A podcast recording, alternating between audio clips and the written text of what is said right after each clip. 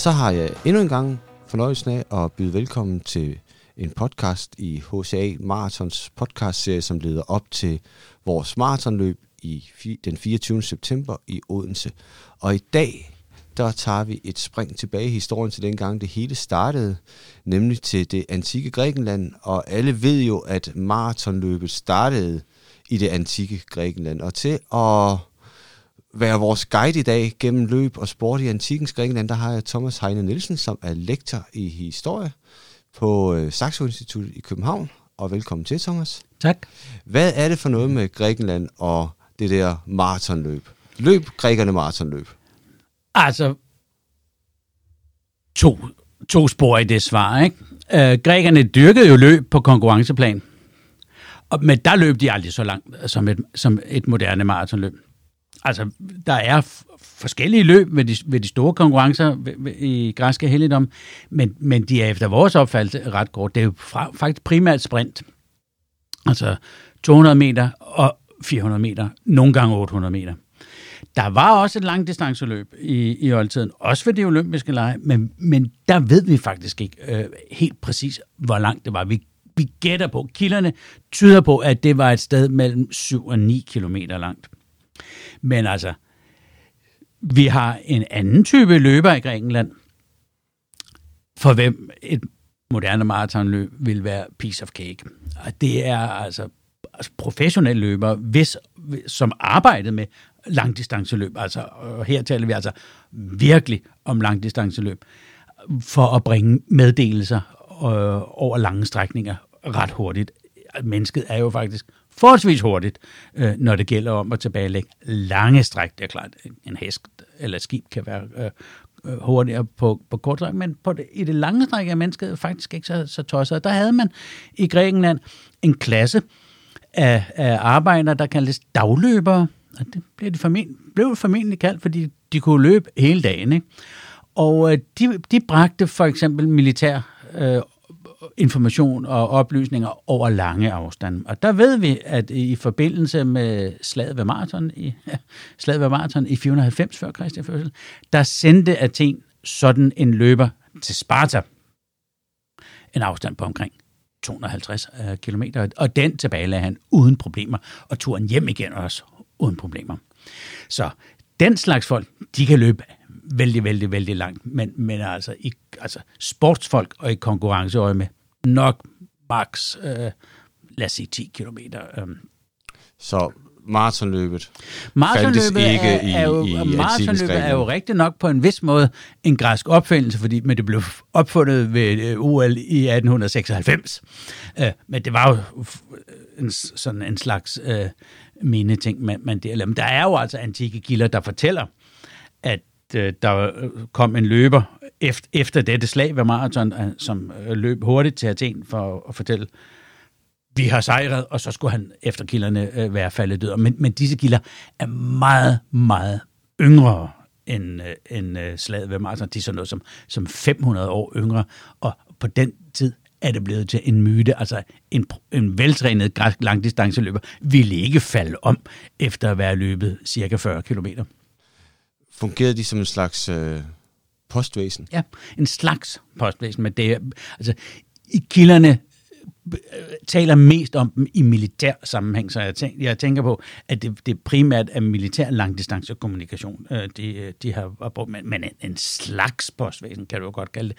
Ellers sender man formentlig post afsted ved at sende det med et skib, eller sende slaver afsted med det. Så har man også sådan nogle slaver, du kan gå ned på torvet og lege, og så, så giver du slaven et brev, og så siger du, du skal løbe til Boyotien med det her brev, og så gør han det, ikke? Så hvis vi hopper lige tilbage til, til slaget ved maraton, så, ja. så, så, der, er, så der er sandsynligvis været en løber, der er løbet fra maraton til ja, Athen. Det tror jeg godt, vi kan gå ud fra. Det er ja. ikke sikkert, at han hed Philippides, og Nej. det er usandsynligt, at han døde af turen, for den er ikke længere end, end 40 ja, kilometer. Navnet kan for så vidt uh, godt uh, have en, en vis uh, historisk baggrund, fordi det hed den løber, der løb til Sparta. Han hed Fedibides, eller ja. Philippides, kilderne varierer lidt, ikke? Men så, ja, jeg er helt sikker på, at nyheden om sejren ved slaget øh, i, øh, ved maraton er blevet overbragt i at tænke af en løber. Men han er ikke faldet død om. det, det er en, en senere tids øh, bearbejdning af historien for at gøre den bedre. Ja, og det er jo næsten Der er jo heller ikke noget ved at fortælle historier, hvis ikke de er gode. Nej, det er jo næsten ærgerligt, at vi sidder og afliver den her. Ja, men Så- så, sådan er det jo. Øh, Men, men det er jo så opmuntrende for dem, som vil kaste sig ud i at gentage kunststykket til 24. september, den 24. september, ja, ja. at man behøver ikke dø af det. Nej, man falder, altså. hvis, hvis du er veltrænet, falder du ikke død om. Nej. Øhm, hvis vi så hopper øh, lidt tilbage ja. Ja. til det første, du sagde med, at der var løbekonkurrencer. Ja, det var der. Øhm, hvad er det så for nogle løbekonkurrencer, man har? Det var, du snakker om sprint. Hvor langt løb man? Hvordan målte man det? Ja. Øhm, Altså, græsk sport har to kernediscipliner. Kampsport og løb. Det er de, det er de to græske discipliner. Det, det er det, man konkurrerer i, hvis vi lige ser bort fra hestesport. Ikke? Der er øh, tre forskellige øh, kampsportstyper. Boksning, brydning og øh, en, en art, der hedder pankration, som nok har mindet ret meget om det, vi nu omstunder kalder mixed martial arts.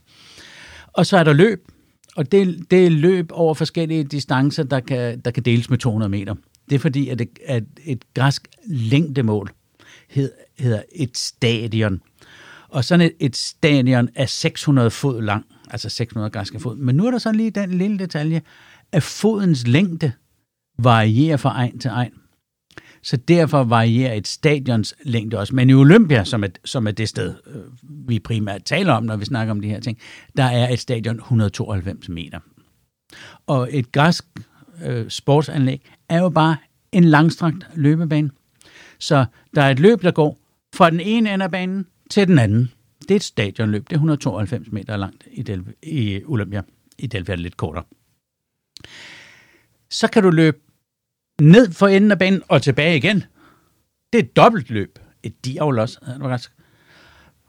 Det er faktisk de to kernediscipliner. Og så er der langdistanceløbet, hvis nøjagtig øh, længde vi jo ikke kender. Men det er altså frem og tilbage på stadion, indtil du har løbet det, som nu var distancen, som er gået tabt i, i, i kildemangel. Ikke? Så det er, for, det er sådan set det. er det, øh, de fleste danskere forbinder med sport i antikken, det er jo de olympiske Ja. lege. Mm. Er det de eneste? Nej, det er langt fra de eneste. Nej, altså, øh, grækerne var... Der findes formentlig kun én kultur, der har været mere interesseret i sport end grækerne, og det er vores. Og grækerne var tossede med sport. Øh, der er mange grunde til det, men, men øh, altså, den vigtige grund er jo nok, at det blev brugt til at ære guderne. Altså, man havde, den, den græske religion er meget praksisorienteret var meget praksisorienteret. At kerneritualet var sådan set slagtoffret, hvor man, hvor man slagter dyr, brænder lidt af dyret til gudens ære, og så, så spiser man resten så i, i festligt lag. Ikke? Men, de, men, men det her kerneritual kan, kan jo elaboreres på mange forskellige måder, men der kan være teateropførelser i forbindelse med, der er korsang og, og dans og alt sådan noget. Og ved ganske mange af de her religiøse festivaler, som vi plejer at kalde er der faktisk sportskonkurrencer indlagt. Fordi grækerne havde det vidunderlige synspunkt, som jeg personligt synes er smukt. At de mente, at det mennesker kan lide, kan guden nok også lide.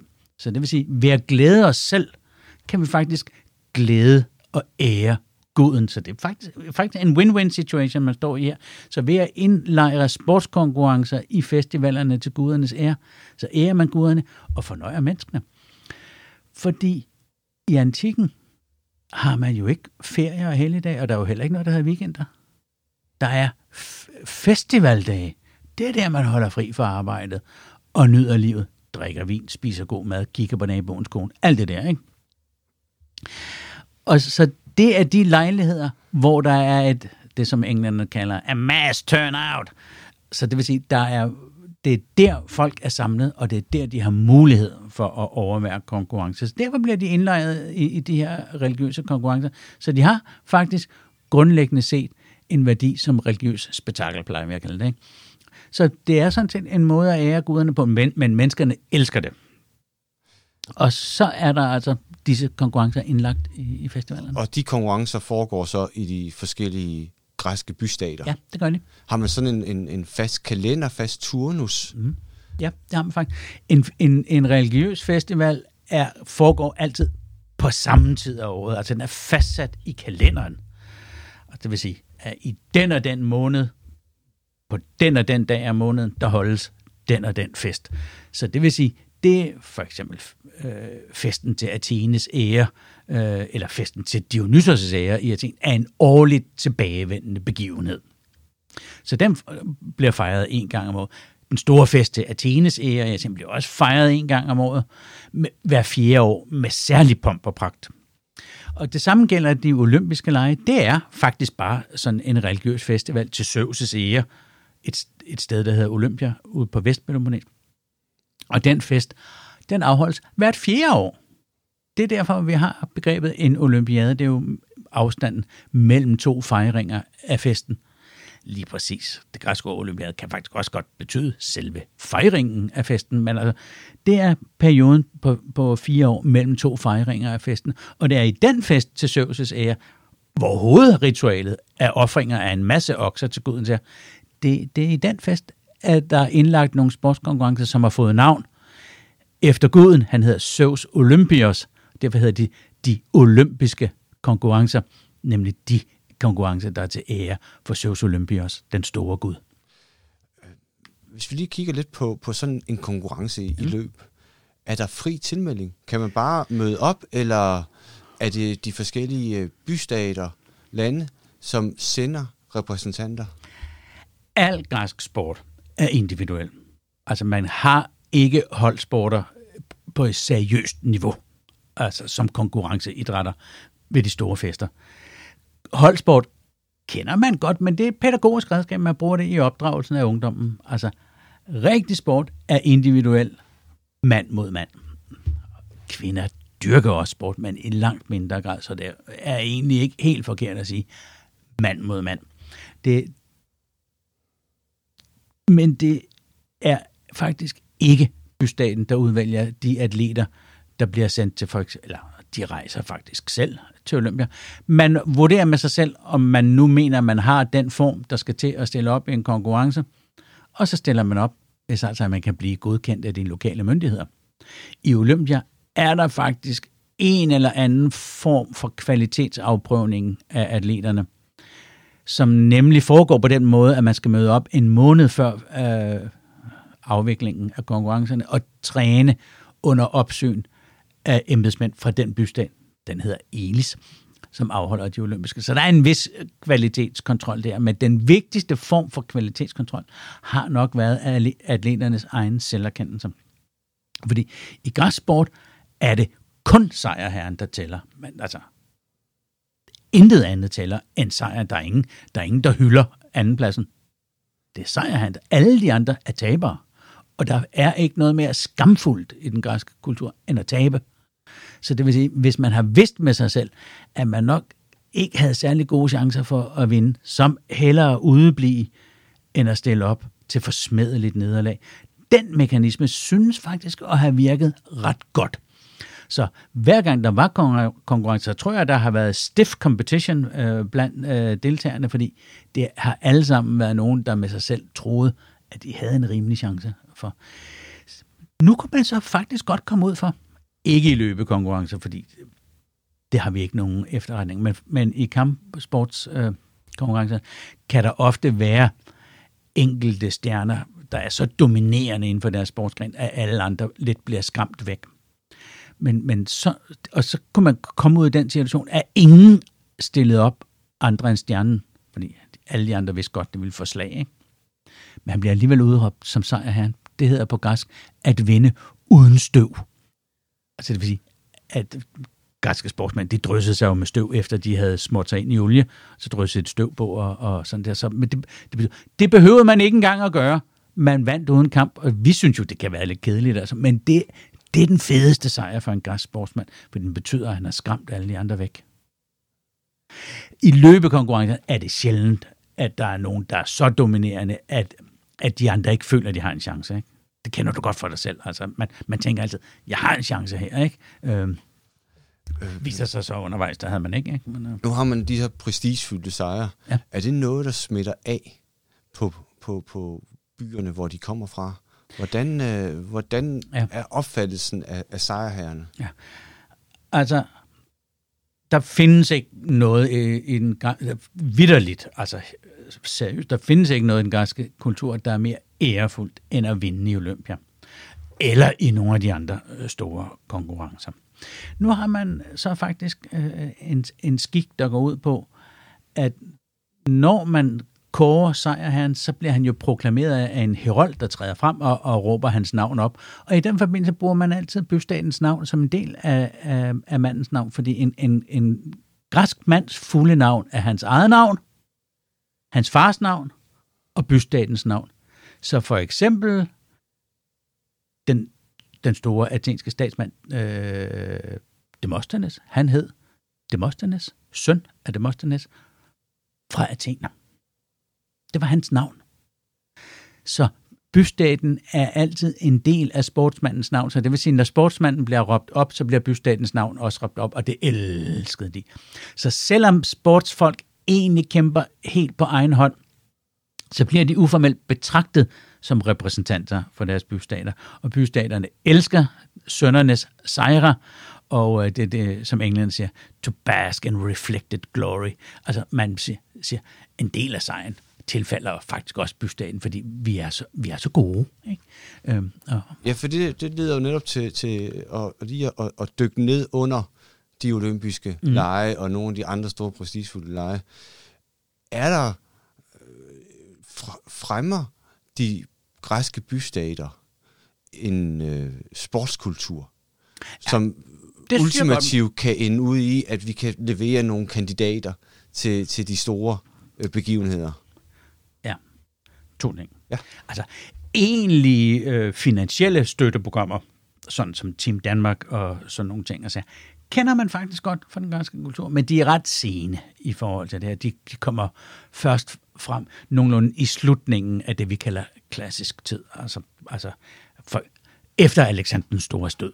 Øh, sådan, I den periode begynder vi at få eksempler på, at bystander simpelthen finansierer atleter. Men forud for den tid finansierer bystaterne jo faktisk træningsanlæg. Altså de fleste bystater anlægger træningsanlæg, hvor, hvor, hvor den lokale atletklasse øh, kan hænge ud og, og træne og socialisere. Og, altså, og her skal man jo huske på, at øh, øh det er næsten helt sikkert, at især i lidt ældre tid, men stadigvæk også i klassisk tid, altså på den tid, hvor sådan nogen som øh, Platon levede, der blev sportsfolk øh, primært rekrutteret fra de øverste sociale lag, og ikke fra det laveste sociale lag, sådan som vi godt nogle gange kan være lidt tilbøjelige til at tænke. Ikke? At, at især når vi har også set film om amerikanske boksere, der laver social øh, og opstigninger i kraft af store præstationer. Men, men i Grækenland var det omvendt. Der var det, der var det overklassen, der havde den fritid, der skulle til at træne for at komme i så god form, at man havde en chance for at vinde. Det kunne man jo ikke, hvis al ens tid var optaget af arbejde. Og her glemmer vi jo også nogle gange det her med, at i, i oldtiden, der levede de fleste folk jo på en subsistensøkonomi. Så det vil altså sige, hvis, hvis man var så velhævende, at man ikke behøvede at arbejde hele tiden, så kunne man træne og gøre sig dygtig i boksning eller løb, eller hvad det nu kunne være.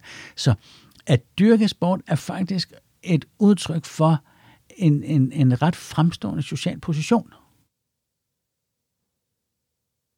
Så derfor er det faktisk ikke underklassen, men overklassen, der, der dyrker sport. Så, så sport er ikke et massefænomen? Som, det, eller, eller, i, eller gør man noget? I, I gammel tid, altså ting udvikler sig jo øh, historisk, ikke? Og, øh, i i det, vi kalder diakronperspektiv. Som tiden går, udvikler tingene sig. I, i perioden efter Alexander den Store øh, og, og frem mod, mod det romerske kejseri, og sådan noget, der bliver det faktisk en slags øh, øh, fænomen, som, som tiltrækker atleter også fra lidt dårligere situerede familier. Fordi der begynder man faktisk at kunne betragte det som en slags arbejde, fordi der er så mange konkurrencer i den her periode, som blandt andet også uddeler kontante præmier, at du faktisk kan vandre fra den ene til den anden og holde dig en, en helt hederlig øh, øh, indtægt, hvis du er en nogenlunde god atlet. Så der får vi simpelthen professionelle sportsfolk, Ja, der får så man, tager på turné. ja, det har, og de har, de har en, en fagforening og alt sådan noget der. Så det, det, det har man. Men i ældre tid er det sådan et, et, et overklassefænomen, hvor det har en anden social betydning. I den senere tid, jeg talte om lige før, at der er det blevet sådan en slags øh, underholdningsindustri. Ikke? Men i tidligere tid er det faktisk et udtryk for, hvem du er, og, og, og hvilket slags menneske du er, og hvor dit sit leben er, og sådan nogle. Ja. Man, man snakker jo tit om øh, en sund sjæl i et sundt leme, ja. og, og tilskriver det Mm, mm. tilbage til antikken også. Øh, kommer udtrykket derfra? Og, og, Udtrykket er, så vidt jeg ved, øh, moderne. Ja, Men grækerne vidste jo godt, at det var sundt at være i nogenlunde øh, god form, og, og græske læger anbefaler øh, at være i god form, og anbefaler træning som om behandling af forskellige dårligdomme, og sådan, så man, man ved godt, at, at, at det er bedre at være øh, sund og, og rig end syg og fattig. Ikke? Og så så, så man, man træner også lidt for at, at, holde sig i form og holde sig fit og, og sådan noget. Og det der med, med at, at, ikke at passe på sin krop og sådan noget, det, det er jo, det hører ikke med til idealet. så man ved faktisk noget om sportens gavnlige virkninger i, At i de græske også. læger var klar over, at træning var en god ting. Ja. Ja. Så det gælder om at holde sig i gang. Ja. Øhm, gør man noget fra, fra mm, magthavernes side, fra bystaternes side, til at fremme sporten på den baggrund og sige, at det her det er godt for, for byens befolkning, øh, sportsanlæg øh, eller andet. Hvis vi hopper lidt, jeg, jeg kan forstå, at vi skal lidt længere frem i, Jo, nej, men altså faktisk allerede i den ældre tid, der anlægger man sportsanlæg, øh, anlæg, øh, det- de hedder gymnasier, faktisk, fordi det har vi ikke øh, vendt, men altså, græske sportsfolk konkurrerede jo nøgne, og de træner nøgne. Så derfor hedder et sted, hvor man er nøgen sammen, det hedder et gymnasium, fordi det græske ord for nøgen er gymnos.